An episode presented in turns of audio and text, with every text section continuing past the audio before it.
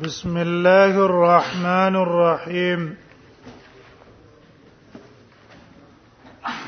باب المضمضة والاستنشاق من كف واحد باب دې بیان ندی کی چې مزمزه او استنشاق دا د یو ورغوي باندې جایز ده مزمزه او استنشاق کې تقریبا امام نووي پنځه طریقې بیان کړي یو طریقه دا ده چې درې ځلې خلی ته وبوا چې جدا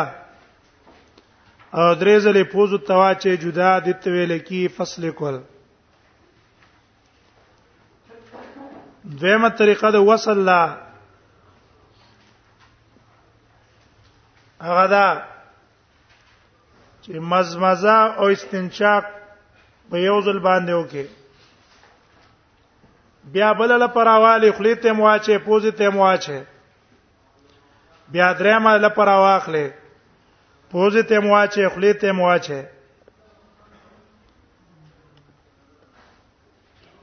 دلته په باب کې دقه معنا ده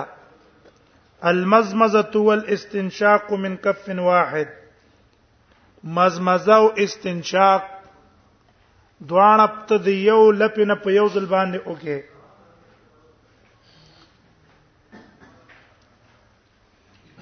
دریم صورت به په دې کې دام جوړیږي یو لپه د راواغستله خو خلی ته دریو ځل واچې یو لپه په بل لپه واچې لګه لګه پوزې ته یو لپه د خلی د پاره درې درې ځل جدا بیا بل لپه لګه راواله پوزې ته واچې دا بل صورت شو زلورم صورت ادا ده چې غرفه واحده لپ یو دا وصل پکې وکي لګي وبته خله او پوزي تواچه به ته لګي خله او پوزي تواچه به ته لګي خله او پوزي تواچه نو دا ټول کیفیتونه په اتفاق د علماو جایز دي په هر طریقه باندې تا مزمزه او استنشاق وکړو نو سنتیت د قول د جمهور مطابق او یا وجوب د محققین علما مطابق لکه پرون په کې موږ اختلاف بیان کو هغه وجوب د ادا شو صرف اختلاف په افضلیت کې ده د احناف علما مذهب دا ده چې بهتره طریقه په مزمزه او استنشاق کې فصل له فصل خله ته جدا وب درې لپی واچه بیا پوزه ته درې جدا واچه او ابو داود کې به تراشی چې په بعض روایتونو د عثمان کې دي مزمزه سلاسن واستنشق سلاسه هغه روایت دلالت ته ایو بل روایت ته درو بیا هغه استدلال نه ولا دویم قول د جمهور ده هغه په دې کې بهتر عمل لا ده چې مزمزه او استنشاق په منځ کې توسل کې به ثلاثه غرفات یو له پرواله په یو ځل خپل پوزي تواچه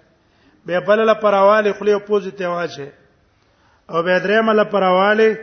خلی پوزي ته په شریک باندې واچي دا عمل افضل ده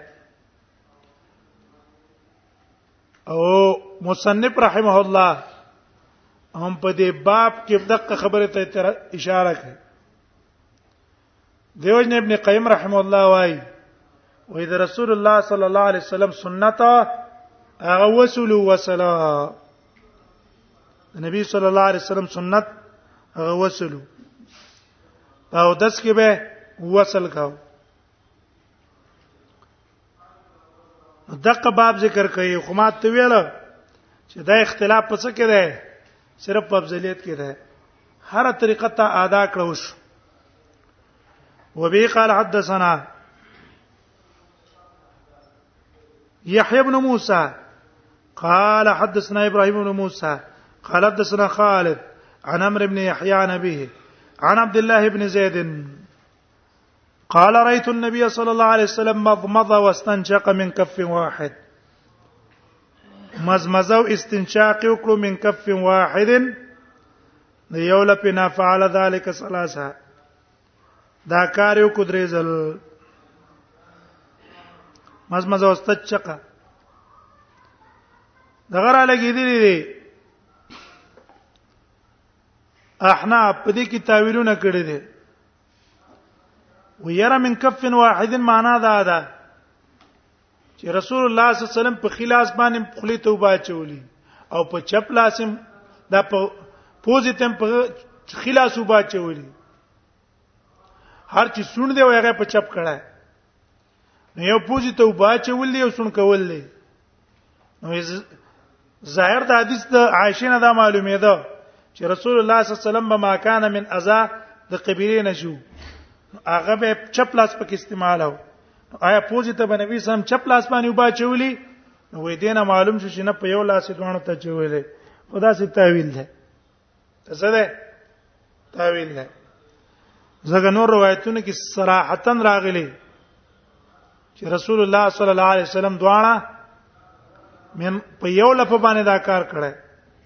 دا خدا توینه نه چلیږي من كف واحد فعل ذلك ثلاثه اکار درې درې کرتے وکړو وفي الباب په دې باب کې د عبد الله ابن عباس نوم روایت نقل ده قال ابو سعيد حديث عبد الله بن زيد حديث حسن غريب وقد روى مالك وابن عيينه امام مالک او ابن عینا او نور علما هم دا روایت نقل کړی دی د عمرو ابن یحیی نه لم یذکر هذا الحرف خدای په کې نه دي ذکر کړی من کف واحد ان النبي صلی الله علیه وسلم واستنشق من کف واحد دا جمله به کې چا ذکر کړه و انما ذکره خالد دا ذکر کړی د خالد ابن عبد الله وسوي وخالد ثقه حافظ ټیک دا غنه دا ذکر کړي خالد ابن عبد الله ذکر کړه خالد ابن عبد الله چې د ثقه حافظ دا ثقه حافظ دی اندار الحديث وسدوي وقال بعض العلم څه مطلب زیادت د ثقه معتبر شو کنه وسې شو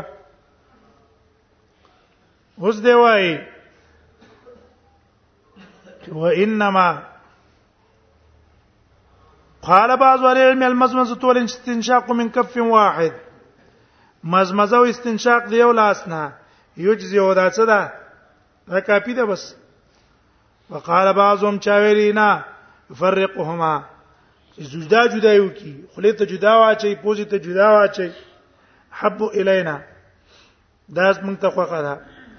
امام شافعي جمعه ما فی کف واحد فهو جائز که په یو لپاره باندې مزمزه استنشاق وکړه دا جائز وان فرقهما فهو احب الینا او جدا جدا یو کړه دا موږ ته محبوب ده زینه په توله کې ده چې اختلاف پڅ کې ده دا صرف په افضلیت کې ده نور په جواز کې اتفاق ده باب باب فی تخلیل اللحیه دیزن اوس بعد مصنف رحم الله بیان کې د فرائض الوضو چې کوم آیات کې ذکر شوی چې غسل الوجه ده به غسل وجه په سیوم څه عبر او سکم ده به وای دی کوم ال المرافق ده وای دی کوم ال المرافق به وم څه عبر او سکم ارجلکم ال الكعبین نو د مخ متعلق حکم بیانوي چون کې به د مخ باندې ګیره راقتلی او د دې ګیره د وجنه دنه طرف د مخ چرمن پټي نو آیا دنه طرف سرمن په ګیره کې انزل لازم دي کنه دا مسله ذکر کړي باب فی تخلیل اللحیا باب یو بیان د خلال اولو د ګیره کې تخلیل اصل کې ماخوذ ده د خلل الشینا خلل عربو خلل هغه ته وایي چې د دوه شینو په منځ کې خلل قوم چاته وایي چې سړی د چا په منځ کې کینی او خلل الباب هغه ته ویل کیږي چې په دروازه کې کوم سوري او خلیل تم خلیل ځکه وای چې دا محبت هم د انسان زړه ته دنه ورغلی دی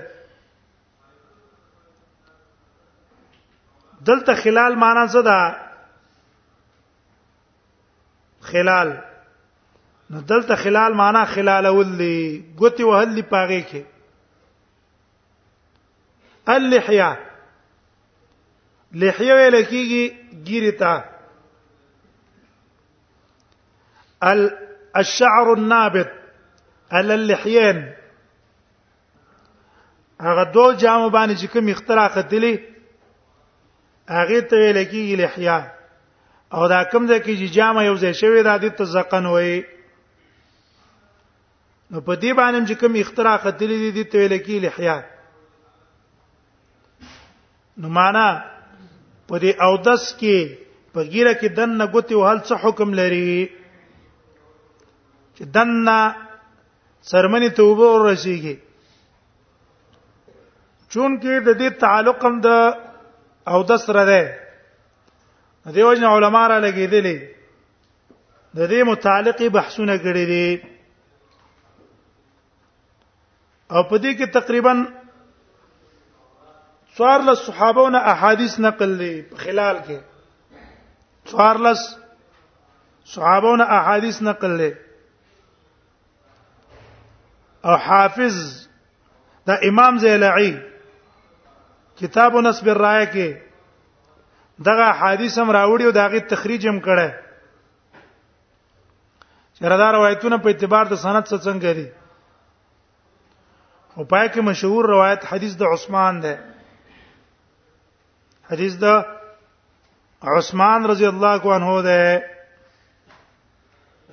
عثمان والا چې پای کې خلال ذکر کړه او دا غي په باره کې علما وایي چې دا په په دې باب کې په تمام احادیثو کې اصح روایت ده لیکن دا غي په سند کې معامر ابن شقیق ده او د عامر ابن شقیق په باره کې د علماو اختلاف ده شاو ته ضعیف ویل ده او چا داغه حدیث ته حسن ویل یحیی ابن معین معین ته ضعیف ویل امام بخاری داغه حدیث ته حسن ویل دیوژن امام ترمذی داغه حدیث ثبوت ذکر کړه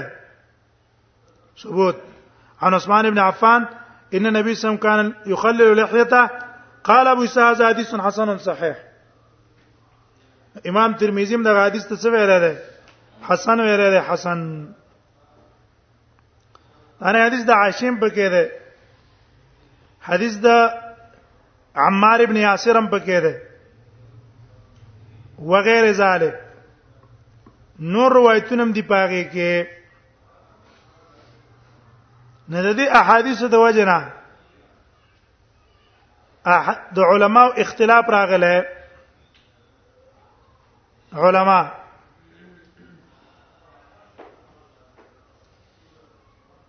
په بار د تخلیل اللحیه کې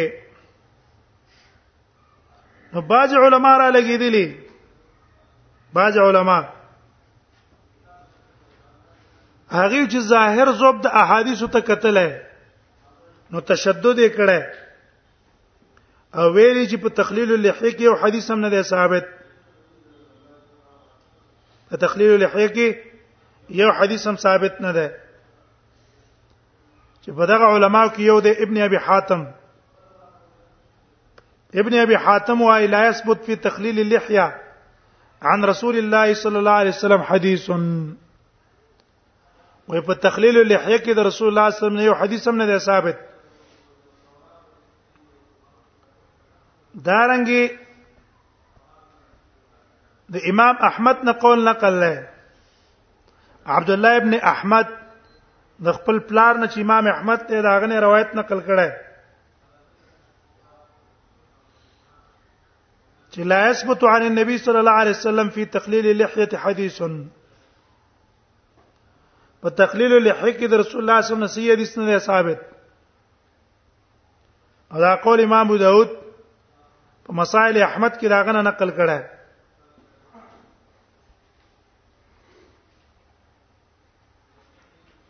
لیکن راجی قول پدې کې دا دویم قول دی د علماو هغه دا دی چې احادیث په تخلیل اللحیه کې ثابت دي ولې حدیث د عثمان ته امام ترمذی صحیح ویلی امام بخاری ته حسن ویلی دارنګي حدیث د عائشه امام احمد په مسند کې راوړی ابن حجر هغه ته اسناد حسن ویله دارنګ حدیث د انس ته ان النبي صم توضا فاخذ كفا مما وادخله تحت حنكه ثم خلل به لحيته نبی صلی الله علیه وسلم او د سکو به راوغسته او د جامن لاندې لا نه نستلې ابي الحاکز امرني ربي عز وجل دا حدیث ته ابن القطان سی ویله امام حاکم ته سی ویله او امام بزهبي دا هغه په تصیبانه سکوت کړه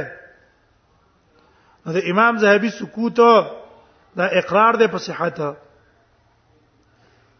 نو دیو جنا دیو را لګی دلی او دا قول کړی چې په تخلیل اللحیه کې احادیث دي دا ثابت دي او دا رستنه قول راجح ده وجه دا ده چې دا رستنی علما مثبتین دي او مخکینی علما ناپین دي مثبت مقدم دی په چا باندې په نافي باندې او د هر چا د پاره خپل طریقه په زوپ او په صحت کې و چې احادیث ثابت شو په تخلیل لحیه کې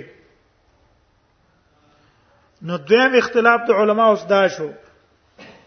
چې آیا دا احادیث دلیل د وجوب ده چې خلال لګری واجب ده او کو دا تخلیل لګیری دا سنت ده لیکن د اختلاف نمخ کې هغه صورت د اختلاف معلوم کا چې دا د ګيري خلال په کوم صورت کې اختلافي ده بین الوجوب والاستحباب نو والله والا ګیره به خالی نه دی انسان یا به ګیره وړی وړه ګیره وي دویم بدای چې دا ګیره به غنی یا به وړی یا به غټی اوس دا وړه او غټه ګیره هم په څه معلومه وو غټه ګیره کومه ده وړه ګیره کومه ده دا غي کې علما مختلف وجه ویلي یو وجه د معلومولو د لحیه خفیفه او د لحیه کساغه دا ده چې رؤیت البشرا کله چې اختو کې دنه څرمن ښکارا کېده د مخ سړی ګیره ده ګیره رنگي ده چې ته د سیو تو ګوري دنه پکې څه ښکاری مخ څرمن ښکاری دا خفیفه ده او کچرته دنه څرمن پکې نه ښکارا کېدله نو دا کسدا دا غنا ده دا یو قول ده او آسان ده دویم قول چا دا بیان کړی چې نه دا عرب تسپار لې شوی که عرب والاو ته خفيفه وای خفيفه ده او که عرب والاو ته کثیفه وای بس کثیفه ده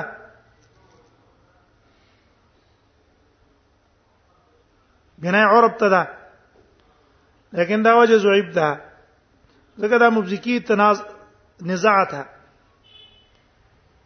چې فرق دا کړی دی چې لحیا کثاو یسیرا فرق دا دی کله چې ګیرا لاندې وا غټه ولاندې تلې وا دې ته به کسوي او کله چې لاندې تلې نه وا مسترسله نه و دې تبا کثیره وای نو که چرته ګیره خفیفه وا ګیره څه وا خفیفه نو د ګیره خفیفه حکم دا ده چې دنه سرمن انزل په سړی باندې لازم دی په اوتس کې سبا کوي دنه چرمن بینځي د کاغی توبه رسول آسان دي او په خلال باندې دا کافی کیږي نه تر څو پورې چې دنه اوبر سولې نه او دس او په غسل کې تخلیل کافی نه ده د فرضیت لپاره دلیل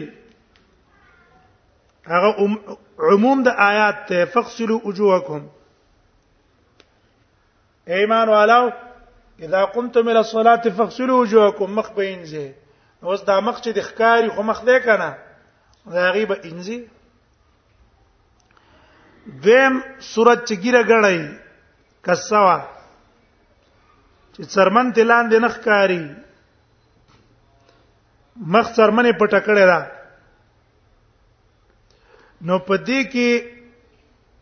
اوس اختلاف دی د علماو یو قول د مالکیانو ده مشهور د شوافیو قول هم ده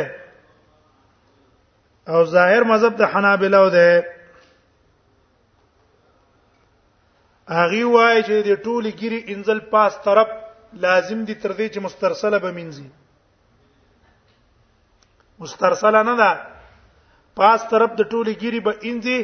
تر دې چې مسترسله لاندې نه ده وګدا ابا منځي او دې نینځل فرض نه پاتې شو دویم قول د احناف ده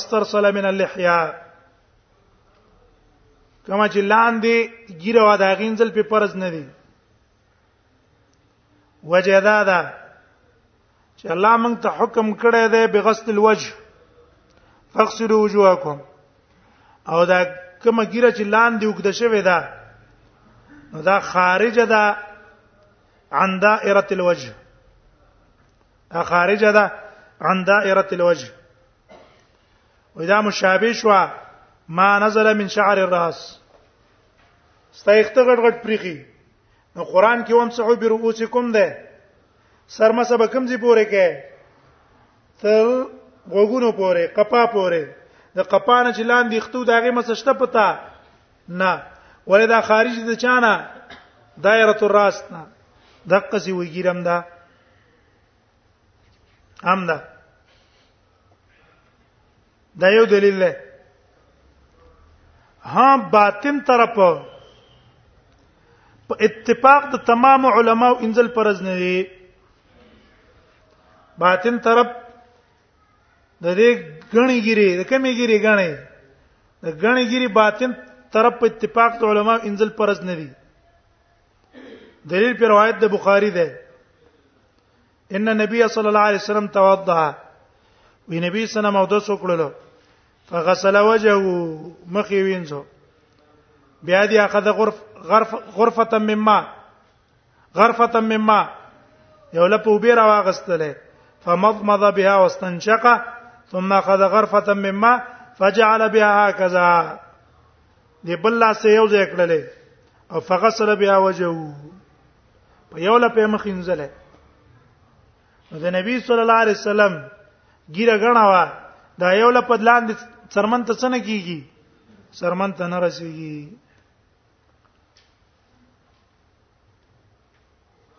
دا خو یو مسله شو دا غسل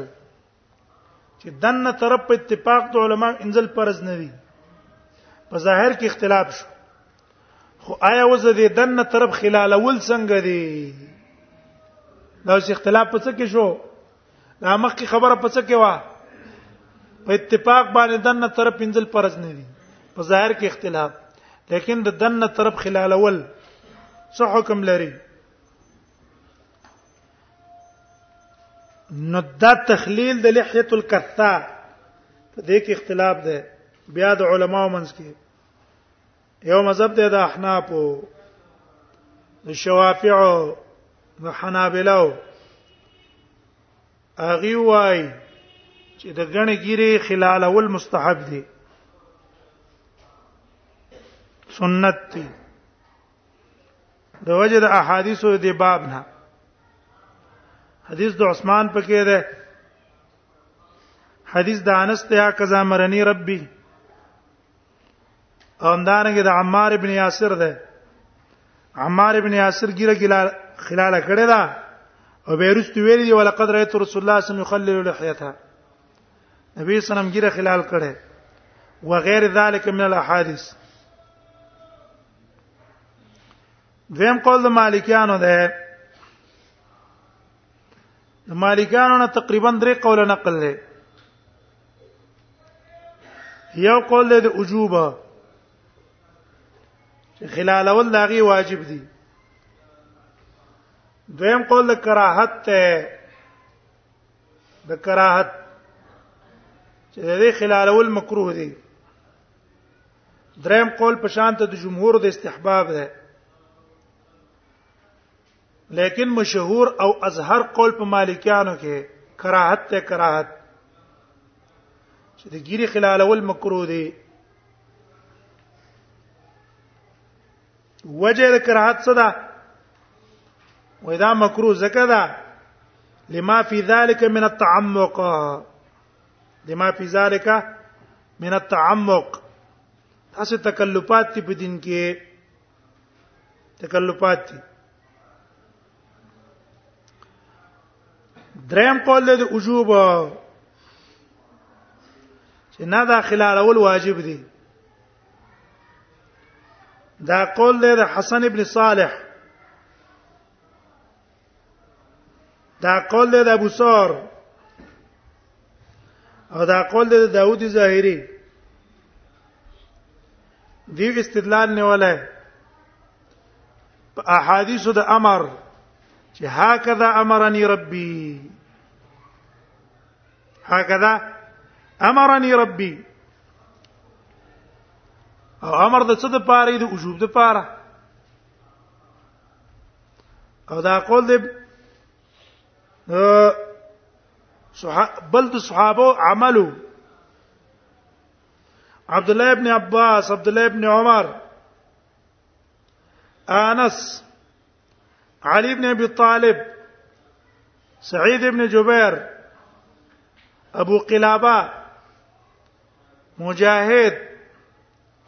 ابن سیرین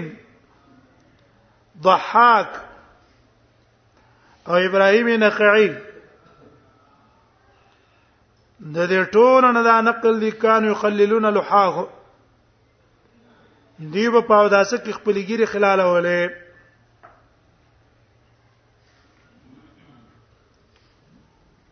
په دې کې راجح قول هغه ولنه ده چې دا احادیث دلیل په استحباب باندې په سنتیت باندې لا علی الوجوب د غنی ګيري خلال اول دا سنت تی واجب نه دی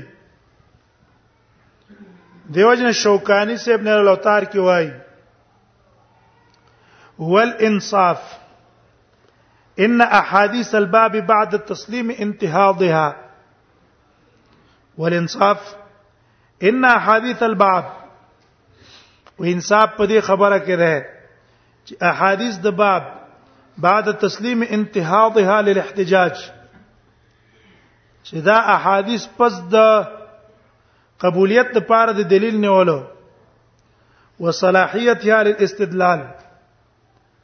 او دا احادیث قابل دي لپاره د دلیل نیولو لا تدل على الوجوب سیدا د چې دا دلیل دا دلالت په وجوب او په فرضیت د خلال اللحیه باندې نه کوي ګینګیره خلالول دی واجبي لانها افعال وجه دا دی چې ټول صرف افعال دي د نبی صلی الله علیه وسلم چې نبی صلی الله علیه وسلم ګیره خلاله کړي او ما ورد فی بعض الروايات من قوله صلی الله علیه وسلم او بعض روایتو کې چې نبی صلی الله علیه وسلم لفظ امرنی ویل دی هکذا امرني ولا يفيد الوجوب على الامه دغه امرني دلالت د وجوب امت باندې نه کوي لظهوره فی الاختصاص و زکه دا ښکارا دی چې دا حکم پر رسول الله پورې خاص دی اجا پورې خاص دی پر رسول الله صلی الله علیه وسلم پورې خاص دی بیا وی ول فرایض لا تثبت الا بيقين فرایض په یقیني دلیل سره ثابتېږي او د کې احتمال له او الحكم على ما لم يفرضه الله بالفرضيه یو شی الله فرض کړي واجب کړي نه دی او ته دا فرض او واجب دی دا د شي حیثیت لري کل حکم علی فرضه بعدمها لکه ته یو شی الله فرض کړی دی ته دا فرض نه دی نو ته چې دا فرض نه دی په څه باندې عدم فرضیت ثابت ہے په دلیل دغه څه فرضیت په دلیل ثابت ہے یقیني ټیک شو خدا اختلاف شو خدا ځین کې کې نه وای چې دا اختلاف دا په اودس کې ده هرچی غسل له په غسل کې به وبرس ہے تخلیل بنای بلکې په دې کې به وبره چې چې هر ځای ستالون پاتې شي ولی نبی صلی الله علیه وسلم فرمایلی دی تحت کل تحت کل شعره جنابه هر اختلان د جنابت ته تاسو څوک یې فخللو نو تاسو خپل څرمنې اومګی او څر اخته زور کوي او څرمنه اومګی چرځه تو بورو رسیږي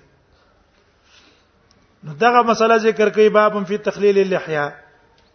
باب د بیان د تخلیل د لحیه کې دا حکم سلری وبي قال حدثنا حسان بن بلال قال رايت عمار بن ياسر توضا حسان بن بلال و امام عمار بن ياسر ولیدل توضا چې او د څوکړلو فخلل لحيته خپل ګيره خلال کړه فقيل له تو ویل شو او قال فقلت له حسان ابن بلال وی بل چاو تو ویل یا حسان ابن بلال وی ما ته پخپل ویل فقلت له وی ما تو ویل چې دا ته څه دا دې څه وکړه فقلت له تخلي لحيتك دې خپل ګیره خلاله قال دی ویل وما يمنع وما يمنعني څه شي ما منع کوي د دې نه چې زه دې ګیره خلاله کوم ولې نه خلالم ولقد رايت رسول الله صلى الله عليه وسلم يخلل لحيته او ما لري درې چې نبی صلی الله علیه وسلم بګیره څه کوله ګیره به خلاله ولا ابي خلال ولا دا بل روایت امر اورین قطا ته حسن بن ملال ان عمار عن النبي صلى الله عليه وسلم وفي الباب انا عائشه په دې باب کې د عائشه رضی الله عنها نم روایت ده حدیث د عائشه ته موږ اشاره وکړې امام احمد راوړل امام احمد دا رنګه د ام سلمې نم روایت ده ام سلمې نه ام سلمہ روایت امام طبرانی راوړی امام بیقی راوړی الفاظ دي کان اذا توضا خلل لحيته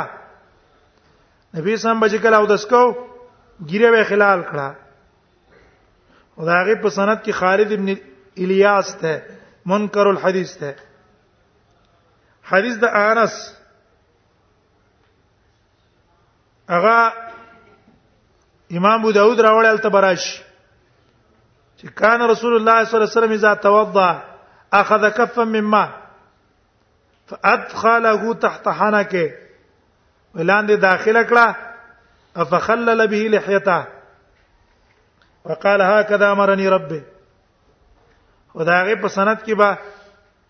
ولید ابن زروان ده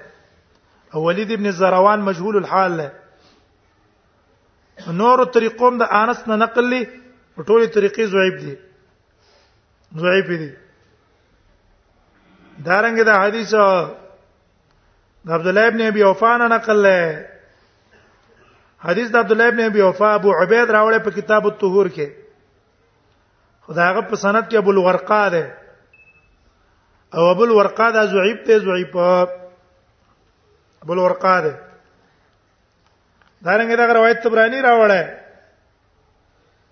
تبرانی والا روایت هم کمزور ده او ضعیف ده وابي ايوب او دا روایت نقل دی د ابي ايوب نه ابي ايوب نم نقل دی ابي ايوب روایت ابن ماجه راوړی دارنګ امام احمد او دا هغه په سند کې ابو ثوره ده هغه مجهول ده نو روایتونه هم دي زیل عیسی او حافظ ابن حجر راوړي تلخیص الابیر کې زیل عیسی ابن نصب الرایه کې قال ابو ساوي سمعت اسحاق بن منصور يقول يقول علماء اختلاف ته په روایتونو کې سیدی سندن کنا نو ځکه اوس نقل کړي سمعت احمد بن حنبل قال قال ابن عيينه ابن عيينه لم يسمع عبد الكريم عبد الكريم د حسان ابن بلال نه اوریدل نه دي کړي حدیث تخلیل الاحيان منقطع شو بل روایت راوړي او بي قال سنه حمد موسى قال سنه عبد الرزاق عن اسرائيل انا امر بن شقيق نبي وائل عن عثمان بن عفان ان النبي صلى الله عليه وسلم كان يقلل لحيته والنبي صلى الله عليه وسلم بمجيره سكه ولا خلال ولا قال ابو يساوي هذا حديث حسن صحيح قال محمد بن اسماعيل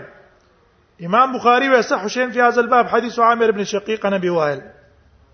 مخکې موږ اشاره وکړه چې عامر ابن شقیق د ابن معین په نس ضعیف امام بخاری په نس حسن الحدیث وقال بهذا اكثر اهل العلم من اصحاب النبي صلى الله عليه وسلم ومن بعدهم اکثر صحابه او ډیرو کسانو په دې باندې قول کړه غمخ من نقل کې ابن عباس ابن عمر انس علي سعيد ابن جبير ابي قلابه مجاهد زحاك ابراهيم نخعي ديونا تخليل اللحيه نقل له سنب ابن ابي شيبه نقل کړه جاغي دا کارونه کړی دا به کول راو تخليل الاحياء وبه يقول الشافعي وقال احمد انسان تخليل فهو جائز امام احمد کې چانه خلال د ګری پاتې شو هیڅ خبره پکې نشته خیر وقال اسحاق ان ترکه ناسین متأولا کچر تیر شو ته او متأولا یې قول داو چیرې تخلیل د لحی واجب نه دی خیره استحبابي ده اجزا کو نو دا او دس د دو شو خیره هو کو ته پته و چې واجب دی امر پر راغله او قصدنی پریدي